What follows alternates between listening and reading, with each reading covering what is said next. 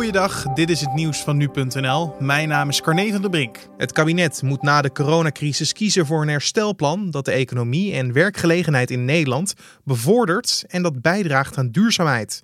Dat adviseert de Raad voor de Leefomgeving en Infrastructuur in een advies Groen uit de crisis.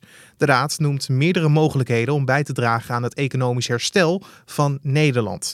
Zo moeten bestaande woningen versneld verduurzaamd worden en ook de nieuwbouw moet versneld worden. Verder adviseert de Raad om voorlopig niet te investeren in de aanleg van nieuwe wegen. Onder meer omdat deze minder nodig zijn nu meer mensen thuiswerken.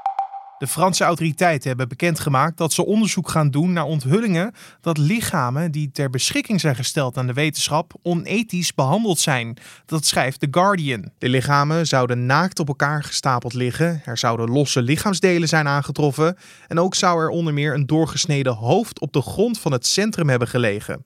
Sinds de opening van het Centrum voor Lichaamdonaties van de Descartes Universiteit in Parijs in 1953 werden er jaarlijks honderden lichamen gedoneerd.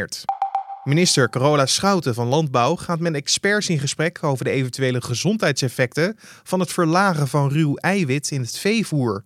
Dit naar aanleiding van zorg in de sector. Dat schrijft ze in een brief van de Tweede Kamer. Wel blijft ze erbij dat er meer eiwit gevoerd wordt dan nodig. Het teveel aan eiwit wordt niet opgenomen door dier, maar in de vorm van ammoniak uitgestoten. Dit wordt in de sector en in de wetenschap breed onderschreven, al dus de minister. Volgens Schouten houden de maatregelen die ze neemt voldoende rekening met het welzijn van dieren. Toch laat de minister zich adviseren, onder meer door de Koninklijke Nederlandse Maatschappij voor Dierengeneeskunde. En maatregelen die supermarkten eind maart namen om Nederlanders zo veilig mogelijk boodschappen te kunnen laten doen, verdwijnen langzaam weer. Dat blijkt uit een rondgang van nu.nl. Het speciale uurtje voor ouderen om boodschappen te doen en het namens de supermarkt schoonmaken van ieders winkelkarretje komen steeds minder vaker voor.